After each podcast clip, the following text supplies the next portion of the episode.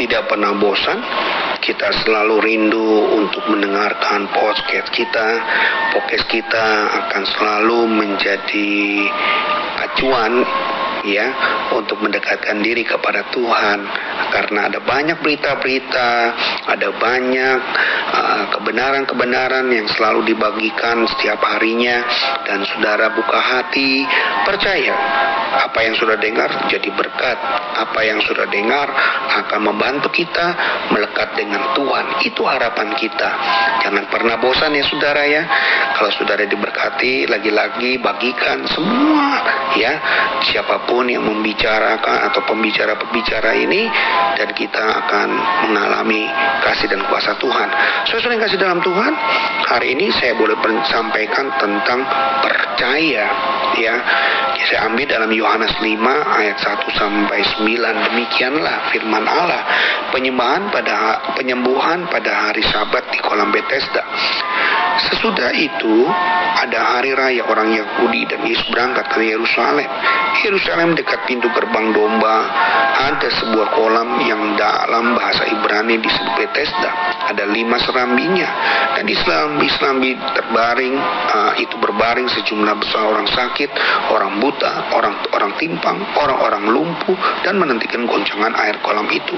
Sebab waktu-waktu turun malaikat Tuhan ke kolam itu dan menggoncangkan air itu, barang siapa yang terdahulu masuk ke dalamnya sesudah goncangan air itu menjadi sembuh apa pun juga penyakitnya.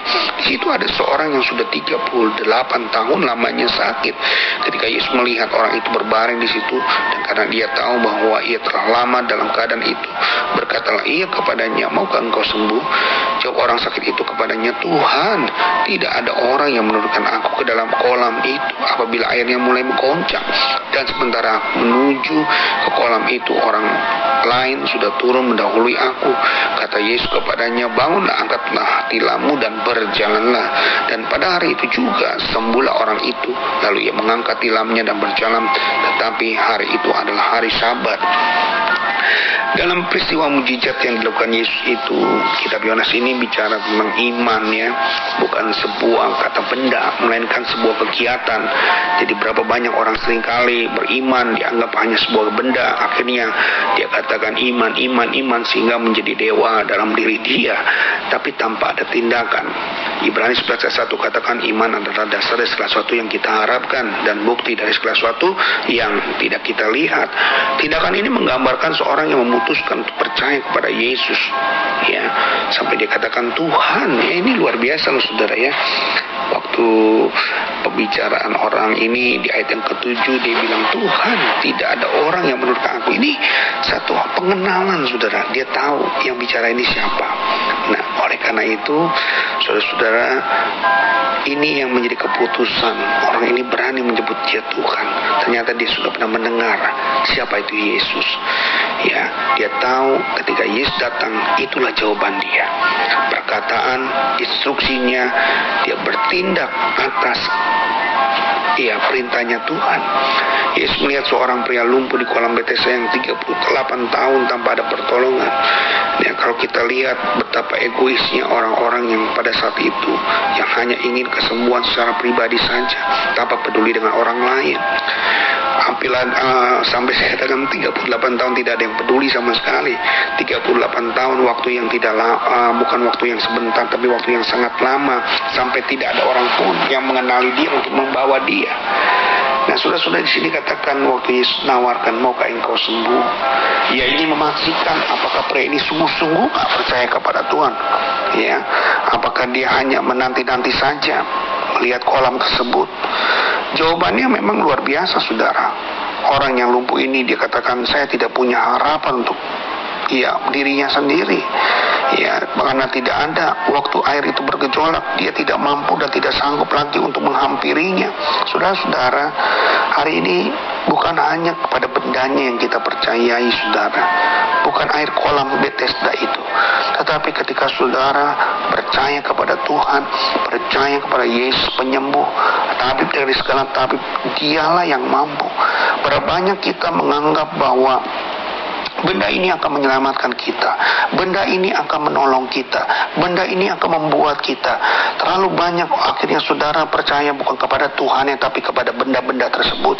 Nah, hari ini kisah di dalam Yohanes pasal 5 ini mengantar kepada kita, mengingatkan kepada kita, memberitahu kepada kita bahwa kolam Bethesda, air yang bergejolak itu bukanlah sesuatu yang menyembuhkan, tetapi mempercayai Yesus dengan sungguh-sungguh, menjadikan Yesus sebagai jawaban, menjadikan Yesus sebagai perkataan firman, maka saudara dan saya akan mendapatkan pengenapannya.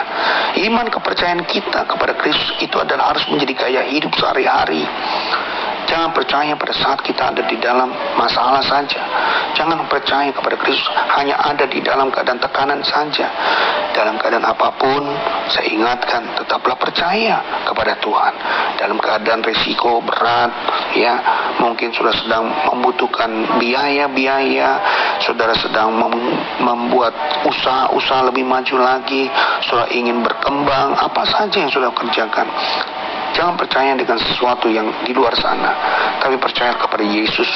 Dia adalah jawaban, jawaban yang selalu tepat, jawaban yang selalu menolong, dan jawaban yang selalu memberikan pengharapan-pengharapan yang benar, pengharapan yang asli, bukan pengharapan yang kacau. Itulah yang Tuhan mau. Sudah terus terus terus mengasihi Tuhan, terus mencintai Tuhan, terus datang kepada Dia. Apa yang sudah lakukan pastinya dengan percaya kepada Kristus dibuatnya menjadi berhasil. Jangan takut saudara, tetap mengandalkan Tuhan. Kalau ada yang sedang mengalami masalah seperti sekarang ini, kasihkan podcast ini supaya dia diingatkan. Jangan hanya mengandalkan bendanya, tapi andalkan Yesusnya yang mengatasi segala-galanya. Saudara punya Yesus, saya punya Yesus. Saudara punya Tuhan, saya juga punya Tuhan. Itulah yang menjadi harapan saya saat ini. Saya bisa bertahan karena Yesus yang ada dalam hidup saya saudara diberkati, teruskan saudara pasti akan diberkati. Modalnya cuma percaya. Saudara diberkati hari ini, kiranya menjadi berkat bagi kita bersama-sama. Shalom, Tuhan Yesus memberkati.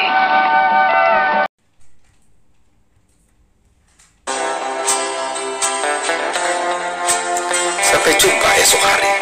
Kiranya damai sejahtera dari Allah Bapa, kecintaan dan kasih karunia Tuhan kita Yesus Kristus, persekutuan serta penghiburan Roh Kudus menyertai kita sekalian mulai hari ini sampai Maranatha Tuhan Yesus datang.